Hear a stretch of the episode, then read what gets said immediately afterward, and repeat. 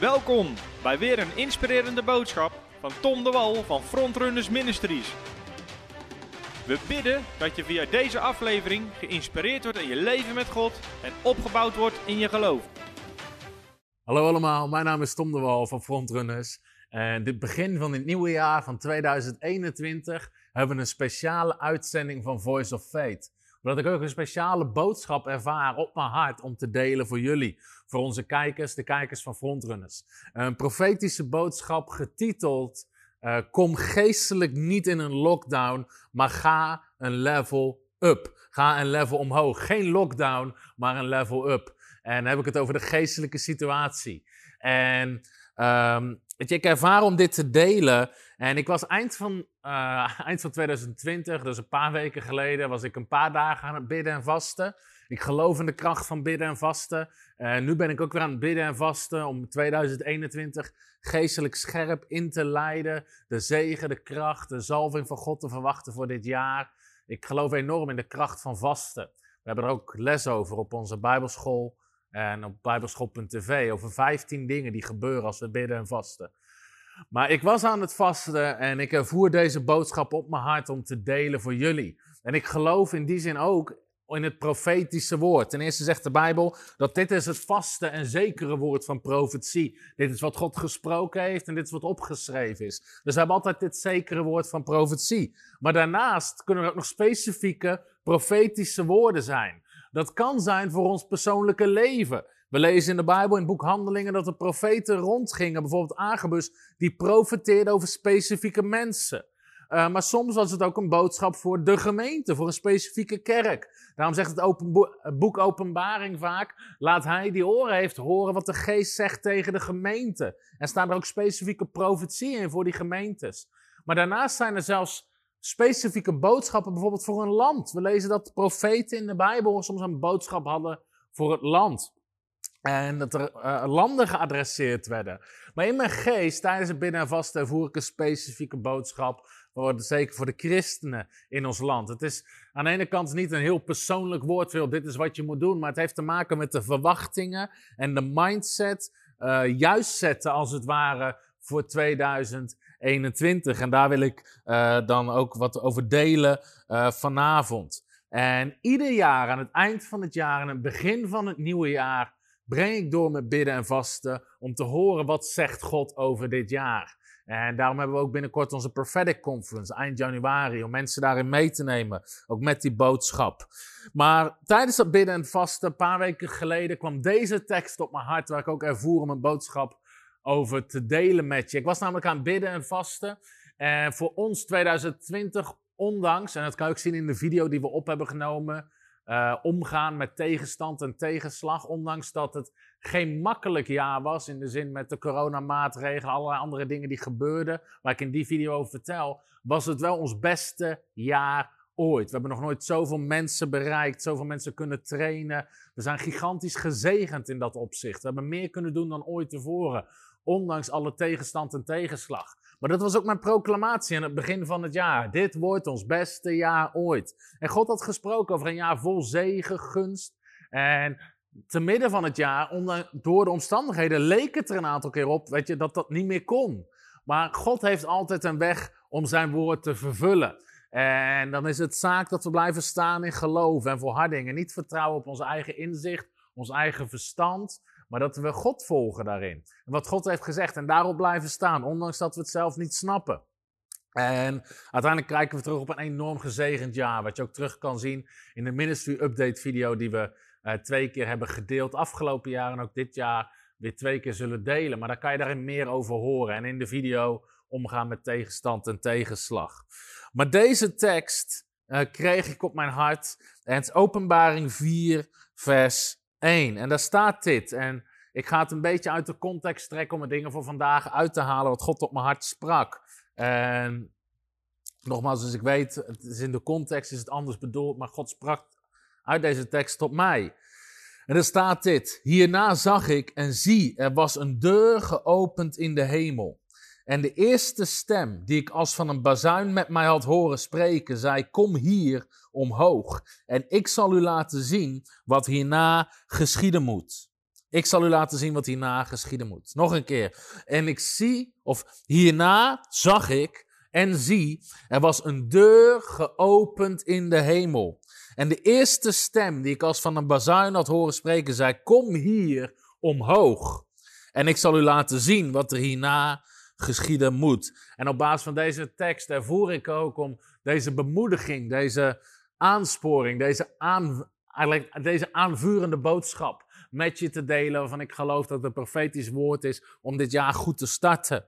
En het eerste wat ik uit deze tekst haal is dat God zegt: Zie, ik heb een geopende deur in de hemel. Zie, ik heb een geopende deur in de hemel. Dat staat in het eeuwige woord van God. God zit niet in een lockdown. God zijn deur zit niet dicht. En de deuren die God heeft voor ons leven zijn ook niet dicht. Nederland zit misschien momenteel in een staat van lockdown, maar God niet. God heeft zijn deur niet dicht. God heeft zijn deur niet op slot zitten. En de plannen van God voor ons leven, voor de kerk, voor iedere gelovige zitten ook niet op slot en zijn ook niet dicht, maar ze staan wagenwijd open. De Bijbel zegt namelijk in Jeremia 29, waar God zegt: Ik ken de plannen die ik voor u heb. God had die plannen al lang. De Bijbel leert ons zelfs voordat we in de baarmoeder van onze moeder gevormd waren, had God al een plan voor ons leven. Nou, dus God wist al lang wat er ging komen, ook in dit land, ook met de coronacrisis. God is daar niet van geschrokken. Veel christenen zijn daarvan geschrokken, veel kerken zijn ervan geschrokken. Maar God niet. God had een plan. En ik ben gekomen vandaag om je te vertellen dat God heeft er rekening mee gehouden in zijn plan dat dit kwam. Niet zodat we een stap achteruit zouden doen, niet zodat we een stap minder zouden doen, maar zodat we meer zouden kunnen doen voor zijn koninkrijk, zodat we meer vrucht zouden kunnen dragen.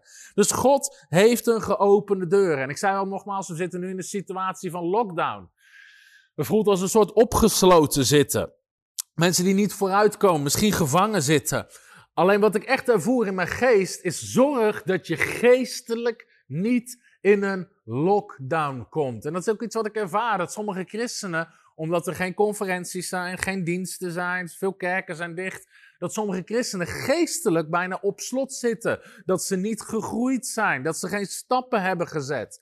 En ik wil je echt vragen, reflecteer eens terug op het voorgaande jaar en op waar je nu zit. Ben je geestelijk gegroeid? Ben je stappen vooruit aan het zetten? Wat ben je nu aan het doen om geestelijk te groeien, om verder te komen?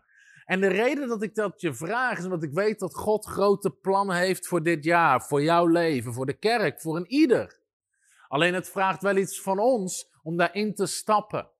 God heeft het voor ons voorbereid, alleen het vraagt iets voor ons om daarin te stappen. Een stuk voorbereiding, een stuk training, een stuk vorming. En daarom is het de bedoeling dat we geestelijk nooit in een lockdown komen. Dat we geestelijk niet mat worden, omdat er toch geen samenkomsten zijn. Dat we geestelijk aangevuurd blijven, vol vuur blijven. Dus het zou onze hoogste prioriteit moeten zijn om vol vuur en vol ijver te zijn voor het koninkrijk. Weet je, sommige kerken liggen zelfs stil.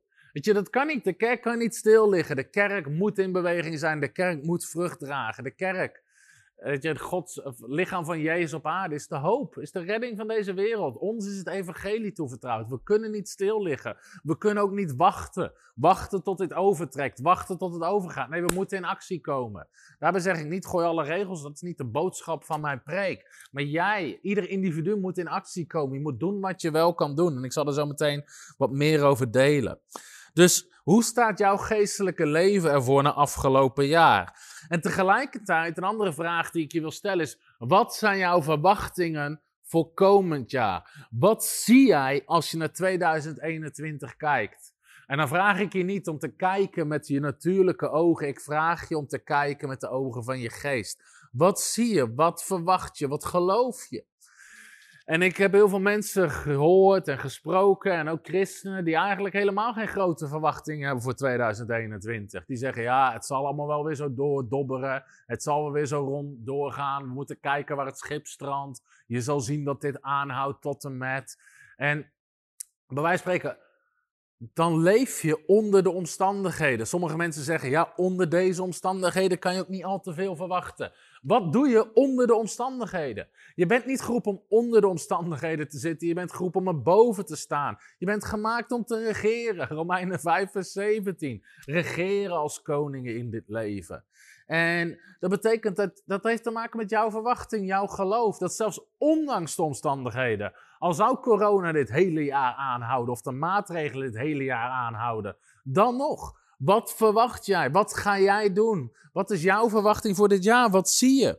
En ik zei al, sommige christenen zien neergeslagen. Die zijn neergeslagen. Die verwachten negativiteit. Weet je, ik ben bang voor dit. Je zal dit wel weer zien. Anderen hebben misschien hoop, maar Weet je, ja, ik hoop het, je weet het nooit. Weet je, die zeggen dat soort dingen. Wie weet. Maar waar, we voor zijn geroepen is om te wandelen in geloof. De rechtvaardige zal wandelen door geloof. En we wandelen door geloof en niet door aanschouwen, zegt de Bijbel. Dus geloof zegt, ik weet zeker, dit wordt mijn beste jaar ooit. Sommige mensen zeggen, joh Tom, hoe kun je dat nou weer zeggen? Ga ik je zo meteen laten zien aan de hand van het woord van God. Maar ik weet zeker, dit wordt mijn beste jaar ooit. Dit wordt een jaar vol van de gunst van God. Dit wordt een jaar vol van de goedheid van God. Dit wordt een jaar vol van geopende deuren, deuren die God geopend heeft. Van kansen, van zegeningen.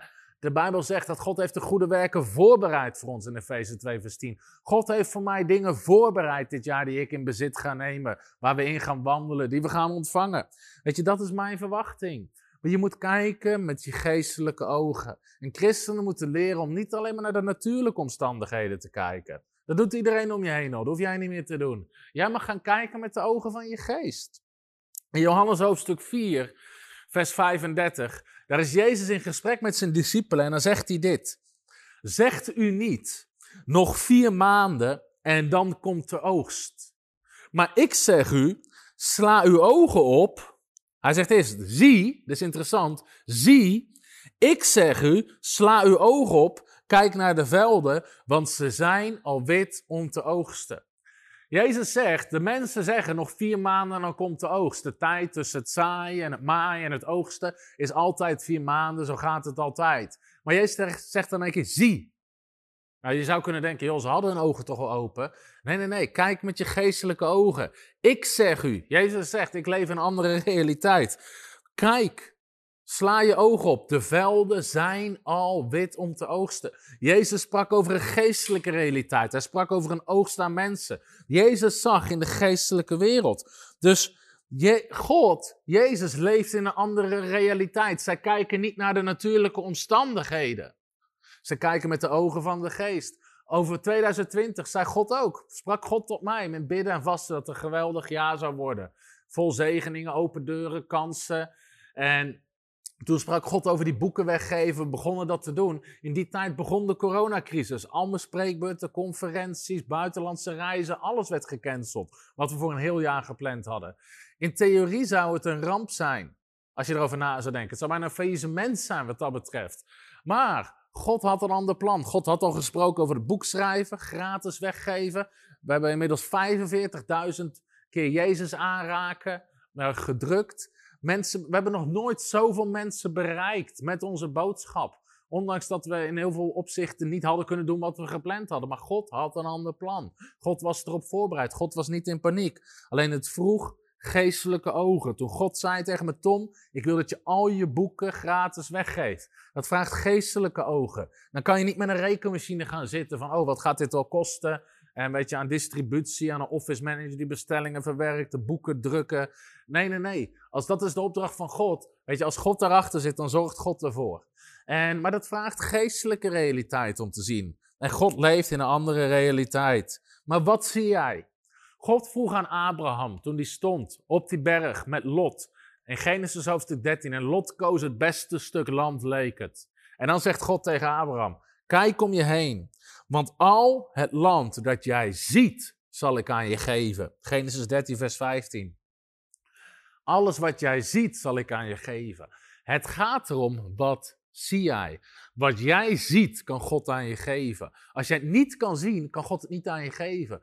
Christenen die leven in een realiteit van ja, ik weet het niet, het zal wel niet kunnen, het wordt vast niks, het wordt vast weer dit, het wordt vast weer dat. Ze hebben geen geloof, ze hebben geen vertrouwen, ze zien negatieve dingen. Weet je, en God kan het niet aan ze geven, wat God graag wil geven, omdat ze het zelf niet kunnen zien. En daarom wil ik je aanwakkeren met deze boodschap. Om je verwachtingen groot te hebben voor dit jaar. Om geestelijk fit te zijn, om sterk te zijn. Omdat ik weet dat God grote dingen voor je heeft. Dus God leeft in een andere realiteit. Dus kom uit je teneergeslagenheid als je dat bent. Kom zelfs uit je lauwheid als je geestelijk niet meer fit bent. Omdat er geen samenkomsten waren of wat dan ook. Maar wees geestelijk sterk, wees scherp, wees vol goede moed. Heb geloof. Zie de open deuren en de kansen die God je wil geven. En ik geloof echt, wat we nodig hebben in deze tijd, speciaal in deze crisistijd, zijn sterke, krachtige christenen. Ik zei het al, als christen ben je niet geroepen om onder de omstandigheden te zitten. Je bent geroepen om erboven te staan. En wat we nodig hebben zijn sterke, krachtige christenen. Weet je dat de Bijbel ons zelfs geweldenaars roept? Eh, geweldenaars noemt. Jezus zei in Matthäus hoofdstuk 11, vers 12, en hij zegt het ook in Lucas, zegt hij, vanaf de dagen van Johannes de Doper tot nu toe wordt het koninkrijk der hemelen geweld aangedaan en geweldenaars grijpen het. In Lucas staat er vanaf dat moment wordt het gepredikt en met geweld breekt het baan. Weet je, een andere vertaling is dat het koninkrijk breekt baan met geweld of het wordt door geweldenaars gebracht. God is op zoek naar geweldenaars, om het zo maar te zeggen. In die tijd dat Jezus die boodschap bracht van het koninkrijk, was niet altijd makkelijk. Weet je, mensen snapten het niet. Het was helemaal geen bekende boodschap, zelfs vandaag de dag nog steeds niet. Maar God roept ons niet dat het allemaal makkelijk gaat. We moeten daar doorheen breken. We moeten een mentaliteit hebben van een geweldenaar. Ik heb het niet over fysiek geweld gebruiken. Ik heb het over een geweldenaar zijn in de geest. Een mentaliteit hebben van een geweldenaar. Je zegt, wij gaan het koninkrijk van God bouwen. We gaan het koninkrijk van God brengen. We gaan het evangelie prediken. We gaan handen leggen op zieken. We gaan demonen uitdrijven. Wat mensen ook zeggen. Wat mensen ook vinden. Wat mensen ook doen. Dit is het koninkrijk van God. Dit is waar we voor gaan. Dat is de mentaliteit. En ik bid dat je in 2021 een geweldenaar zal worden voor het koninkrijk. Misschien dat ze veel christenen wel wel te braaf of te lief zijn geworden in die zin. Als je kijkt naar de apostelen in het boek Handelingen, Weet je, ik gebruik, ik weet niet, misschien is het een Brabants woord, maar het waren soms rouwdouwers, om het zo maar eh, te zeggen. Die braken ergens doorheen. Ook al werden ze bedreigd om het niet te doen. Dan gingen ze weer, ze baden samen en ze gingen weer prediken. Ze braken daar doorheen. Ze lieten zich niet intimideren. Ze lieten zich geen angst aanpraten. Ze lieten zich er niet van afpraten. Van ja, broer, is dat wel wijsheid? Ze hebben toch gezegd dat het niet. Nee, nee, nee, nee, nee. Ze braken daar doorheen. Ze hadden de mentaliteit van een geweldenaar is heel grappig, maar in Nederland zegt iedereen altijd, ja, maar je moet wel wijsheid hebben, je moet wel wijsheid hebben. Nou, ik zie dat nergens terug in een boek Handelingen. Er is ook geen uitspraak van Jezus, je moet wel wijsheid hebben. Wat Jezus zei is, je moet geloof hebben en je moet een geweldenaar zijn. Dat betekent niet dat we domme dingen moeten doen, daar heb ik het niet over. Ik heb het over een mentaliteit die ik in je aan wil wakkeren. En, en ik geloof ook dat God dit jaar lauwheid, matheid, allemaal uit de kerk wil filteren. Hij wil het siften, eruit halen. Er is zoveel lauwheid, er is zoveel matheid in de kerk, onverschilligheid. Maar wat ons is toevertrouwd is het evangelie van het koninkrijk van God. Het is hemel of hel, het is duisternis of licht. We hebben iets geweldigs gekregen. En misschien een vergelijkenis met vandaag de dag. Heel veel mensen maken zich zorgen of zijn in paniek of hebben het over het vaccin tegen corona. Maar wat heel veel christenen niet beseffen is dat, weet je, eigenlijk, om het zo maar te zeggen, christenen hebben een vaccin gekregen. We hebben een medicijn gekregen wat de hele wereld nodig heeft. Als je om je heen kijkt, de hele wereld staat in brand. Mensen, hebben, mensen leven in zonde, in ongerechtigheid, in, in allerlei ellende, in armoede, in ziekte. Mensen leven onder de last van de duivel. En wij hebben het medicijn, wij hebben het vaccin wat 100% werkt. Dat is het evangelie van Jezus Christus. Dat is autoriteit die we gekregen hebben. We hebben die boodschap toevertrouwd gekregen. En het is in onze handen gegeven om te brengen aan een wereld die verloren gaat. Aan mensen die verloren gaan. Aan mensen die klem zitten. Dat is wat we gekregen hebben. Als we daar nou eens net zo radicaal en vurig over zouden worden als we zouden zijn over sommige andere dingen. Weet je, dus ik geloof dat God wil lauwheid uit de kerk gaan halen. Weet je, omstandigheden, ondanks de omstandigheden. Het is niet de tijd dat we afwachten van, oh, wat gaat minister-president Rutte weer zeggen in zijn volgende persconferentie? Gaat de lockdown door of niet? Of de lockdown nou doorgaat of niet. Maak gebruik van de kansen die je hebt. Nogmaals, dit is geen preek om de regels overhoop te gooien. Dan luister je niet naar wat ik zeg. Maak gebruik van de kansen die je wel hebt. Je mag mensen thuis bezoeken. Ga naar mensen thuis toe. Leg ze daar het evangelie uit. Kom bij mensen thuis bij elkaar. Weet je, wees daar samen. Maak kans. Maak gebruik van de kansen die je hebt. Weet je, ongeacht omstandigheden. Weet je, die, die, weet je, de omstandigheden heb je niet onder controle. Jouw reactie wel. Onze houding wel. Onze geestelijke temperatuur wel. Als je kijkt naar de apostel Paulus, wat een groot voorbeeld is, ik denk voor iedere christen. In 2 Korinthe 11 noemt hij op waar hij allemaal mee te maken had. En het interessante is dat heel veel christenen gebruiken dingen als excuus. Van ja, nou ja, weet je wel, onze kerk die is nu dicht, dus uh, ja, nu kan je ook niet echt iets doen. Nou kan je ook niet echt dienen, of nou kan je toch niet echt het koninkrijk bouwen. Of, weet je, we gebruiken allerlei excuses. Ja, weet je wel, weet ik veel, ik heb ook wel eens nachtdiensten, dus ik ga zondag niet altijd naar de, weet je wel, excuses, excuses, excuses. Als je kijkt op basis van omstandigheden. Als je kijkt de omstandigheden van de apostel Paulus, die hij opsomt waar hij mee te maken had. Hij somt op in 2 Korinthe 11. Ik heb, meer, ik heb me meer ingespannen dan iedereen. Hij zegt, maar ik heb slagen ondergaan, heb in de gevangenis gezeten, ben dag en nacht in doodsgevaar, ik heb zweepslagen ondergaan, ik heb de roede gekregen, ik ben gestenigd, ik heb schipbreuk geleden, ik heb een heel dagdeel op zee doorgebracht, drijvend. Ik ben in gevaar geweest op reis, overal waar ik was inspanningen, moeite. Ik ben nachten zonder slaap, honger, dorst, vaste kou, naaktheid. Ik heb zorg over al die gemeentes. Al die dingen noemt hij op. En onder deze omstandigheden pionierde die kerk naar kerk. Hij stichtte kerk naar kerk. Hij ging van stad naar stad. En hij bleef doorgaan. Hij schreef de helft van de brief uit het Nieuwe Testament. Hij was niet te stoppen. Waarom? Hij had het vuur van de Heilige Geest in zich. Hij had een passie dat brandde. Maar hij was zo fel. Hij zegt: Wee mij. Vervloekt ben ik, zegt hij, als ik niet predik. Hij had zo'n passie, zo'n drive, omdat hij een ontmoeting had gehad met Jezus. En weet je, ook wij horen ontmoetingen te hebben met Jezus. Als het goed is, heb je een ontmoeting gehad ergens. Heb je de goedheid van God geproefd. En dat moet zorgen voor een drive in ons om het koninkrijk te bouwen. Paulus, wat de omstandigheden ook waren, hij liet zich niet stoppen, hij liet zich niet afremmen. Hij ging er helemaal voor. In Handelingen hoofdstuk 14, hij werd gestenigd. Gestenigd. Ze, ze lieten hem voor dood achter. Paulus, weet je, hij stond weer op en hij liep dezelfde stad weer in. Hij liet zich niet stoppen, hij liet zich niet ontmoedigen. Hij zat ook niet bij de afdeling pastoraat van, oh ja, en nu ben ik zelfs, nu hebben ze zelfs dit gedaan. Weet je, moet ik hier wel mee doorgaan? Wat is wijsheid? Nee, hij ging door. Weet je, in, hand, in handeling 28, een slang bijt hem, een giftige slang. Hij schudt hem af, hij gaat door. Paulus was niet te stoppen. Want Paulus had de mentaliteit van een geweldenaar. Hij was vol vuur. Er was geen lauwheid, er was geen matheid. Hij was vol vuur. Paulus zegt zelfs dit in Handelingen 20, vers 24. Op dat moment kreeg hij een profetie waarin werd gezegd: joh, ze gaan je gevangen nemen. Paulus zegt: Ik maak mij nergens zorgen over.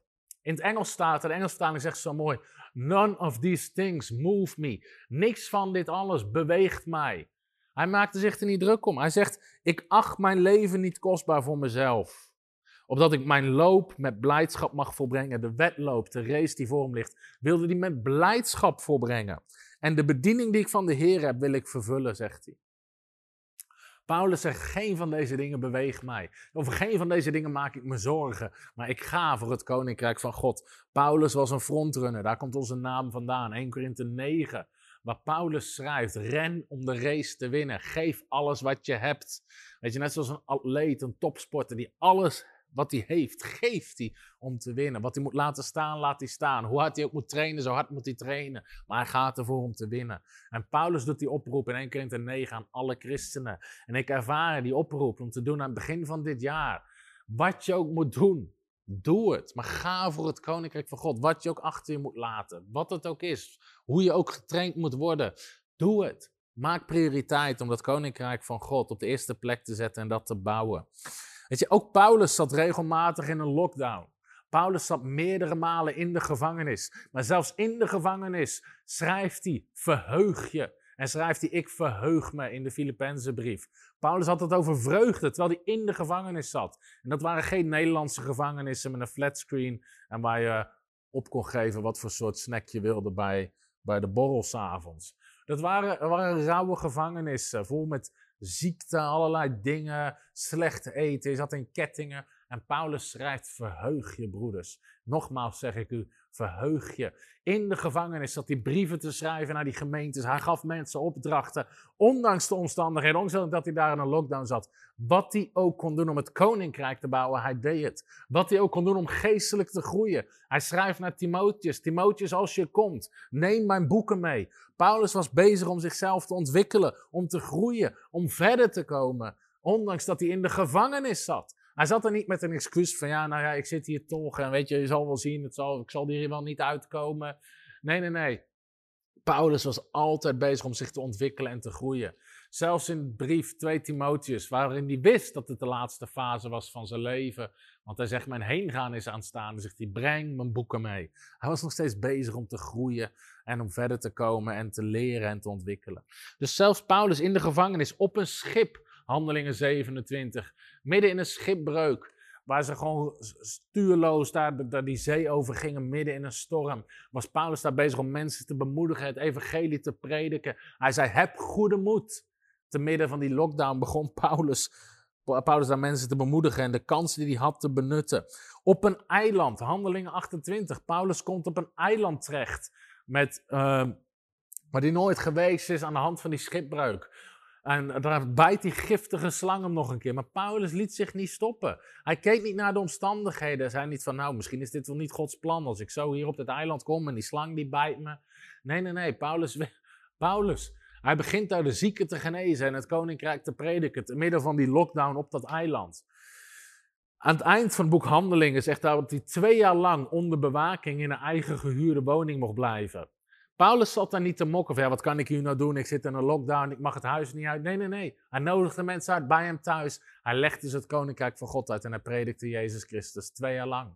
En daarmee sluit het boek Handelingen af. In het boek Handelingen, Paulus zat constant in een lockdown. Maar hij maakte gebruik van de kansen en de mogelijkheden die hij had. Keer op keer op keer om het evangelie te prediken. Dus God zoekt, geloof ik, deze mentaliteit. God zoekt deze radicaliteit in de mensen. En God zoekt deze ijver, dit vuur. Dus ik hoop ook dat, dat ik dit aan kan wakkeren met deze preek. Dat ik je daarmee kan zegenen. En uh, dat, dat dat terugkomt, dat de lauwheid uit de kerk gaat. En ik, nogmaals, ik zeg, niet, ik zeg niet dat jij lauw bent als je dit kijkt, maar ik doe dit om je aan te vuren, om het aan te wakkeren. Uh, en misschien zitten er wel mensen die zeggen, joh, ik ben lauw geworden, ik ben mat geworden. Weet je, begin het koninkrijk weer op de eerste plek te zetten. Want ik geloof dat dat is wat God zoekt. En uit de Bijbel lezen we ook, waar God niet mee werkt, zijn lauwe mensen. En het boek Openbaring is daar heel duidelijk over, maar ook niet negatieve mensen. Lees de verhalen maar eens uit het Oude Testament. De mensen zaten te klagen en te morren. De Israëlieten in de woestijn. Weet je, er was altijd wel iets waar ze over konden morgen. Als God het brood liet, als door een wonder brood liet ontstaan, wilden ze vlees eten. Er was altijd iets om over te klagen. En de Bijbel zegt in 1 Korinthe, dat is hoofdstuk 10, dat, dat ze in de woestijn gevallen zijn omdat ze klaagden en wat ze aan het morren waren. En dat dat als voorbeeld is opgeschreven voor ons, opdat ons niet hetzelfde zou overkomen. Dus daar moeten we van leren. Weet je, zoveel mensen zitten te klagen, maar het is geen tijd om te klagen. Het is, het is tijd om geloof te hebben, vertrouwen te hebben, te proclameren. De beloftes van God en daarin te gaan staan en te gaan wandelen. Maar, weet je, ik heb dit wel eens vaker gezegd. In, weet je, heel veel mensen maken zich zorgen soms ook over wat over een radicale islam. Ik heb wel eens vaker gezegd in preken: het grootste probleem, de grootste uitdaging is niet een radicale islam, het is een lauw christendom. De grootste uitdaging waar we mee te maken hebben als kerk is niet een radicale islam, het is een lauw christendom. Als christenen vol vuur, vol passie, vol geloof, vol van de Heilige Geest gaan doen wat God zegt. Moet je eens kijken wat er dan gebeurt. In het boek Handelingen. Ze begonnen met 120 mensen. Ik ga er vanavond ook een les over geven op de eerste. Ehm, we hebben deze preek vooraf opgenomen, daarom kan ik vanavond zeggen. Maar in de eerste les van onze Bijbelschool. Ze begonnen met 120 man in die bovenkamer in Handeling hoofdstuk 2. En als je kijkt hoe snel, de eerste dag kwamen er 3000 tot geloof, werd toegevoegd tot 5000. Het evangelie verspreidde zich, verspreidde zich, verspreidde zich. Dat er 120 waren vol geloof, vol van de Heilige Geest. Nou, dan kunnen wij dat ook. Wij in Nederland hebben we ook meer dan 120 geestvervulde gelovige mensen. Dus laten we in diezelfde passie dat weer gaan doen. En dat we geen lauw christendom hebben. En weet ik sprak een keer een, uh, een vriendin van mij. Ze werkt als zendeling in het Midden-Oosten. In de gebieden waar ISIS werkzaam was. Altijd in heftige oorlogsgebieden. Waar, te midden van die situaties functioneerde ze als zendeling. Bracht ze het evangelie. En echte situaties waar ze iedere dag, bij wijze spreken, de prijs kon betalen met haar leven. Waar de kans altijd was dat ze vermoord zou worden. En op een dag sprak ik haar jaren terug, toen ik jeugdleider was, ik denk een jaar of acht, negen geleden. En ik zei dan tegen haar, ik zeg, joh, ik zeg, hoe is het om te, om te leven in de wetenschap dat je iedere dag kan sterven voor God? En haar antwoord vergeet ik nooit meer. Ze zijn toen tegen me, ze zei, Tom, sterven voor God is niet zo moeilijk. Dat is maar één moment. Maar leven voor God, dat is iedere dag, ieder moment opnieuw die keuze maken. De keuze maken om te sterven voor het evangelie is één moment dat je die keuze maakt. Als dat dan gebeurt in zo'n situatie. Zeg maar, leven voor God is veel moeilijker dan sterven voor God. Het is iedere dag de keuze maken. En toen ik dat hoorde, dacht ik, ja, weet je, wij hier in het Westen, we zijn niet in de gelegenheid. Dagelijks niet, maar vaak in ons hele leven niet. In de gelegenheid om ons leven te geven voor het evangelie, in die zin fysiek. Dat, in die gelegenheid zijn we niet. Maar we zijn wel iedere dag in de gelegenheid uh, om te leven voor het evangelie. We zijn niet in de gelegenheid om te sterven voor het evangelie, maar wel om te leven voor het evangelie. En die keuze kunnen we iedere dag maken. Dus dat is wel belangrijk om daar bewust van te zijn, vol geloof, vol vuur, vol kracht. Dat we weer gaan beseffen, en ik geloof ook dat dat iets is wat God misschien door deze coronatijd wel wakker wil maken bij ons. En ik sprak laatst iemand en, uh, en, en ik geloof niet zozeer in het concept van online kerk zijn. Weet je, ik geloof, we hebben zelf ook, ook een mediabediening, we hebben honderden video's, we hebben online bijbelschool. Is heel goed voor het toerusten, om mensen te zegenen en te bemoedigen. Maar de echte kerk, van Jezus Christus. Het echte werk wordt gedaan in een wereld die kapot is, die gebroken is. Zijn mensen demonisch belast, mensen zijn ziek, mensen zitten klem onder in de zonde. Die ga je niet altijd bereiken via een video, via Facebook. Daarvoor moet je er naartoe. Het evangelie met ze delen, handen leggen op zieke demonen uitdrijven, ze vullen met de Heilige Geest, ze dopen in water. Het zijn fysieke handelingen waarvoor je bij de mensen moet komen. En dus ik geloof ook, ik bid ook dat de kerk wakker wordt. En soms denk je, wat, zijn, weet je, wat is onze kernroeping? Waarvoor zijn we geroepen? We zijn niet geroepen om zondagdiensten te houden, hoewel het belangrijk is om bij elkaar te komen. Ik geloof daarin, in de bijeenkomst van de heiligen, om bij elkaar te komen. Maar we zijn geroepen om deze wereld tot discipelen te maken van Jezus. Dat is de opdracht. En daar moeten we weer aan werken. Weet je, zo iemand zei tegen mij, ja, mijn kerk is dicht. Nou, de kerk van Jezus Christus niet. Wat er ook gebeurt. In Matthäus hoofdstuk 16, vers 18 zegt Jezus: Ik zal mijn gemeente bouwen. En de poorten van de hel zullen haar niet overweldigen. De kerk van Jezus Christus kan niet overweldigd worden door de poorten van de hel. Al duizenden, al 2000 jaar lang probeert de duivel de kerk te laten stoppen. En al 2000 jaar lukt het hem niet. En sterker nog, de kerk is krachtiger en krachtiger aan het worden. En ik geloof dat dat zo door zal zetten. Dus dat is het eerste wat ik hier uit aan wilde halen. Maar de tweede, het andere is korter. Zie, er is een geopende deur in de hemel. Ik heb dit gedeeld om je aan te wakkeren. Zie, God heeft geopende deuren. Geloof mij, God heeft kansen. God heeft open deuren. Ook voor jou dit jaar. Dus zie dat. Kijk met geestelijke ogen. Ga 2021 niet in met natuurlijke ogen, maar met geestelijke ogen. En dan zegt er: Zie, er was een geopende deur in de hemel. En een stem als van een bazuin, die ik had horen spreken, zei: Kom hier omhoog. En daar wil ik het als tweede kort over hebben. Kom hier omhoog. God roept je altijd omhoog. God roept je altijd omhoog, wat de omstandigheden ook zijn. God roept omhoog. Er is niemand in de Bijbel die God roept, waarvan God iets vraagt, die vervolgens God gehoorzaamt en vervolgens eindigt als laagste en als laatste. Nee, nee, nee. De mensen die God roept, de mensen die opdrachten krijgen van God, zie je ondanks de crisis opbloeien. Zie je ondanks de crisis groeien. Zie je ondanks de crisis terrein in bezit nemen. Zie je ondanks zelfs financiële crisissen door de zegen van God daarin opstaan. Dus ik zeg al, God roept ons omhoog. En dit is zo'n mooie tekst in Psalm 84. Dit is er echt een om vaak op te mediteren. Psalm 84, vers 7 en 8.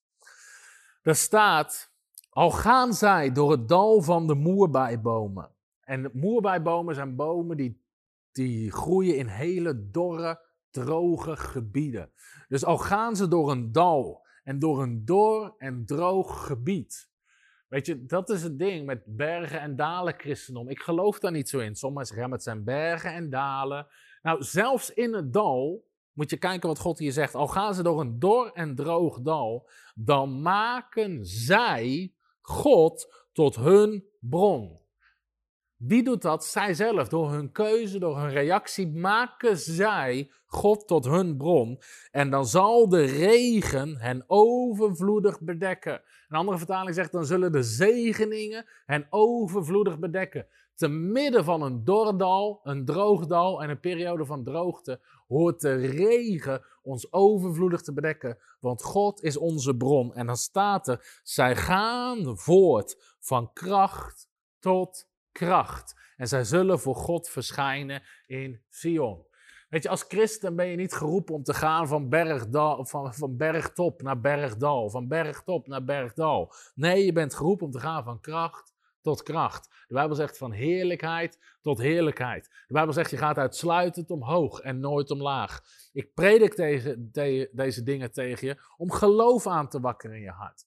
Dat je verwacht dat dit een goed jaar wordt. En ik zeg altijd aan het begin van een jaar, aan ieder jaar, ik zeg dit wordt mijn beste jaar ooit. Sommige mensen zeiden tegen mij, dat zei je vorig jaar ook. Ik zeg klopt, en dit jaar wordt het het weer.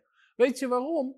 Omdat de Bijbel zegt in Psalm 65, vers 12, u kroont het jaar met uw goedheid. Nou, er staat niet welk jaar, dus ik pas dat toe op ieder jaar. Ieder jaar verwacht ik dat God het kroont met zijn goedheid, met zijn heerlijkheid en met zijn zegen. Weet je, de Bijbel zegt in Prediker, of in Spreuken 4, vers 18: Het pad van de rechtvaardige is als een schijnend licht dat gaandeweg helderder gaat schijnen totdat het volledig dag is geworden. Het pad van de rechtvaardige is als een schijnend licht dat helderder en helderder gaat schijnen. Jouw leven hoort niet van goed naar slecht of van slecht naar slechter. Jouw leven hoort van goed naar beter te gaan. Helderder gaat schijnen. Onder de zegen, Deuteronomie 28, vers 13. Je zal de kop zijn en niet de staart. Uitsluitend omhoog gaan en niet omlaag. Ik hoop dat je dat verwacht. Ik hoop dat je hier je geloof daarop kan zetten voor 2021. De Bijbel zegt in Psalm 23: Goedheid en gunst zullen mij volgen al de dagen van mijn leven. Al de dagen van mijn leven. Coronacrisis of niet, 2020 of 2021, 2019 of 2023. Alle dagen. Dus ik verwacht ook alle dagen van 2021 goedheid en gunst. Want de Bijbel zegt dat dat is wat ons zullen volgen. Dus ik hoop hiermee iets aan te wakkeren je. Want de Bijbel zegt: Kijk, en daarna staat er, er was een geopende deur en die stem die zegt, kom hier omhoog. Ik geloof dat dit de profetische boodschap is. God roept je om te zien met je geestelijke ogen. En dan zal je zien dat God je roept dit jaar om omhoog te gaan, om verder te komen. Niet om vast te zitten, maar om te groeien en om in bezit te nemen dat wat Hij voor je heeft. Kom omhoog, volg God. God roept je omhoog. Kom hoger. Zegt de Engelse vertaling. Kom hoger. God roept je hoger. En heel veel mensen zeggen, ja, maar je moet toch maar kijken wat het jaar gaat brengen. Nee, nee, nee, nee, nee. Ik kijk niet wat het jaar gaat brengen. Ik kijk wat God me wil brengen. En daar zet ik mijn geloof op. Daar zet ik mijn verwachting op. En weet je, dat, dat, we moeten anders gaan kijken. De Bijbel zegt over Jozua en over Caleb. Over Caleb staat er in nummerie dat hij had een andere geest zegt de Bijbel. Nou, dat spreekt niet over een demonische geest, dat is positief wordt dat over hem gezegd. Ten opzichte van de rest van het volk. Toen iedereen reuzen zag, zag Caleb reuzen die overwonnen waren. Toen iedereen de strijdwagens zag, zag Caleb strijdwagens die verslagen waren. Toen iedereen dikke muren zag, zagen zij zag hij ze als omvergehaald. En toen iedereen grote legers zag, zag hij grote overwinningen. Hij had een andere geest, hij had een andere blik. En ik geloof dat God in deze tijd mensen met een andere geest, met een andere mentaliteit wil op laten staan. Die juist, weet je, ik, ik wil niet te hard zijn, maar ook mensen die stoppen met zeuren over 2020 en over zwaar en moeilijk en lastig. Want in datzelfde hoofdstuk, of nummer 14, vers 28, zegt God: Ik zal doen wat ik jou hoor zeggen. En heel veel mensen hebben hoor zeggen: Het wordt een zwaar jaar, wordt een moeilijk jaar, wordt een lastig jaar. En ze hebben het zwaar en moeilijk en lastig. Maar God is op zoek naar mensen die anders spreken. Die zeggen: Het wordt een geweldig jaar, het wordt een goed jaar. Goedheid en gunst zullen me volgen, de zegen zal me volgen. Kom hier omhoog. Dat is een oproep van God. God roept je verder. God roept je om omhoog te gaan. Wij hebben een andere geest. We hebben een geest van geloof. We kunnen kijken met ogen van geloof. Weet je, en juist te midden van een crisis, Jesaja 60 is zo duidelijk. Als de duisternis over de aarde ligt, over ons, over de kinderen van God, zal de heerlijkheid van God gezien worden. De goedheid, de gunst en de zegen van God hoort juist in crisistijden duidelijker van je leven af te komen.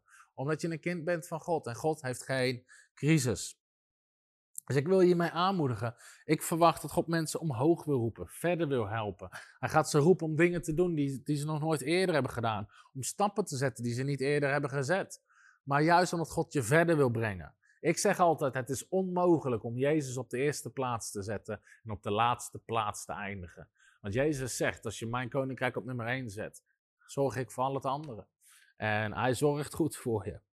En daarna staat er in die tekst in openbaring 4, ik zal nog een keer lezen.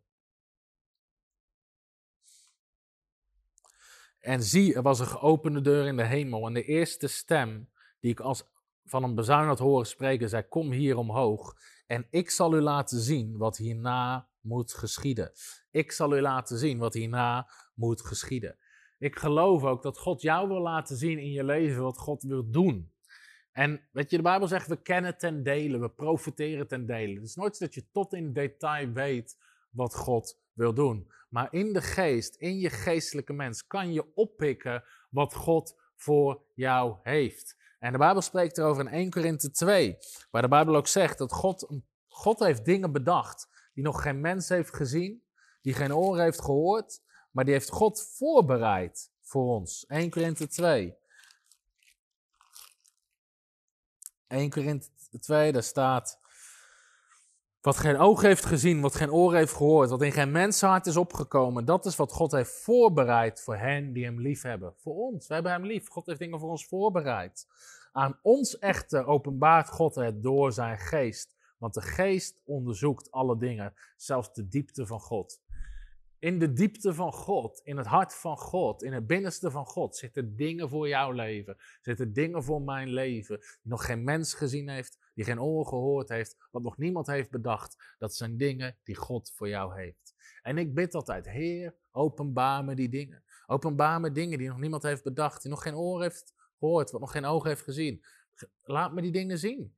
En dan komen de stappen, dan geven God, geeft God open deuren. Er God openbaart je het. Want God wil het openbaren door zijn geest. En ik geloof ook, en daar wil ik je aanmoedigen, ook met deze boodschap om 2021, in het begin van het jaar, tijd apart te zetten om te bidden. En misschien zelfs met vasten. Ik doe dat met bidden en vasten, zodat ik geestelijk nog scherper ben. En dan vraag ik, Heer, wat heeft u voor mij dit jaar? En dan versta ik Gods stem. En dan hoor ik wat God wil spreken tot mij. En waar ik mijn verwachting op kan zetten. Waar ik mijn geloof op kan zetten. Wat ik ga spreken. Ik heb een groot whiteboard, visieboard op kantoor. En uh, daar schrijf ik altijd op wat ik de geest van God heb horen zeggen over dit jaar. En vorig jaar zei God bijvoorbeeld tegen mij dat een jaar zal zijn vol met zegen. En dat we terug zouden kijken en zouden zeggen: wat is God gigantisch goed voor ons geweest.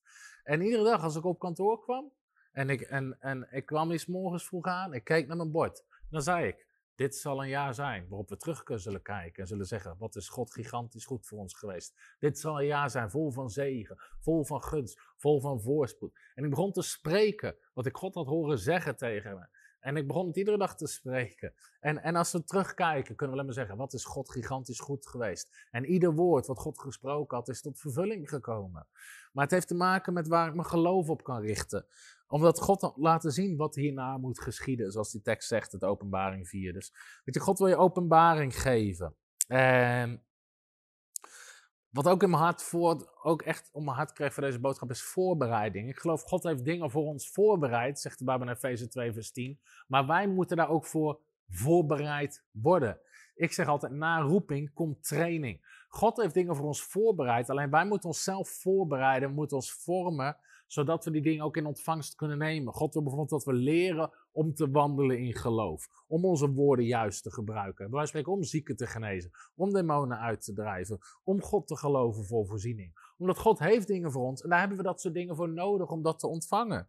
En de Bijbel moedigt ons ook aan om om de gave die in ons is aan te wakkeren. Om daar iets mee te doen. Dus God heeft gaven in ons geplaatst. Net zoals de gelijkenis van het talent. Alleen we moeten die niet begraven. We moeten ze gaan gebruiken. We moeten er iets mee gaan doen. En daarom ervoor ik ook, kom geestelijk niet in een lockdown. Zorg ervoor dat je dit jaar gigantisch geestelijk gaat groeien. Dat je jezelf ontwikkelt. Dat je jezelf verdiept in het woord van God. En dat je bijbelschool gaat volgen. Dat je getraind wordt. En daar wil ik je ook echt voor uitnodigen. Om getraind te worden, om voorbereid te worden. Zelf ook luister ik constant. Probeer ik preken, onderwijs te luisteren, boeken te lezen, natuurlijk mijn Bijbel te lezen. Om weer verder getraind te worden, geestelijk gevuld te worden. Onze geestelijke mens heeft eten nodig. En ik geloof ook dat als jij dit kijkt, dat God heeft grote plannen voor je. Laat je trainen, laat je voorbereiden als je dit kijkt. En Weet je, er zijn genoeg mogelijkheden, ondanks de situatie waar we in zitten. We hebben hier bijvoorbeeld een fysieke bijbelschool, maar die zit zelfs gewoon, uh, we zitten vol met maximaal aantal leerlingen. Maar daarom hebben we ook www.bijbelschool.tv gestart. En ik wil je echt aanmoedigen, als je nog geen account daarop aan hebt, of geen account daarop hebt, maak een account aan. Volg die bijbelschool. We hebben zelfs mensen die al 10, 15, 30 jaar lang christen zijn. Zelfs mensen die al, weet ik veel, jarenlang bezig zijn met God en zelfs met onderwerpen zoals geloof en voorziening, die alsnog getuigen aan het eind van het jaar, deze hele Bijbelschool, deze Bijbelschool heeft mijn hele leven op zijn kop gezet. Heeft mijn hele denken veranderd. Heeft me gewoon helemaal veranderd. En mensen worden getraind, mensen gaan wandelen in hun roeping, mensen komen op hun bestemming, mensen leren. Hoe werkt geloof. Hoe geloof ik God voor voorziening? Hoe kan ik wandelen in de zegen van God? Hoe kan ik profiteren? Hoe kan ik Gods stem verstaan? Wat doet bidden en vasten? Wat is mijn roeping? Wat is mijn plaats in het lichaam? Uh, al die dingen meer onderwijzen op onze Bijbelschool. We hebben onze hele Bijbelschool op www.bijbelschool.tv gezet. Zodat mensen er een account aan kunnen maken en gewoon op hun eigen tijd en eigen tempo die lessen kunnen volgen. Dus ik wil je ook aanmoedigen.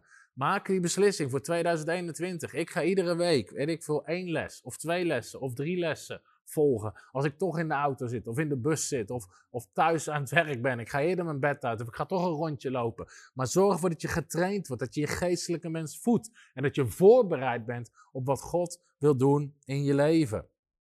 En ik wil je ook uitnodigen om te starten, misschien met bidden en vasten. Aan het begin van dit jaar, om toe te wijden aan God, God te horen. Weet je, en bouw het koninkrijk. Begin er gewoon mee. Kom samen met mensen, desnoods bij mensen thuis.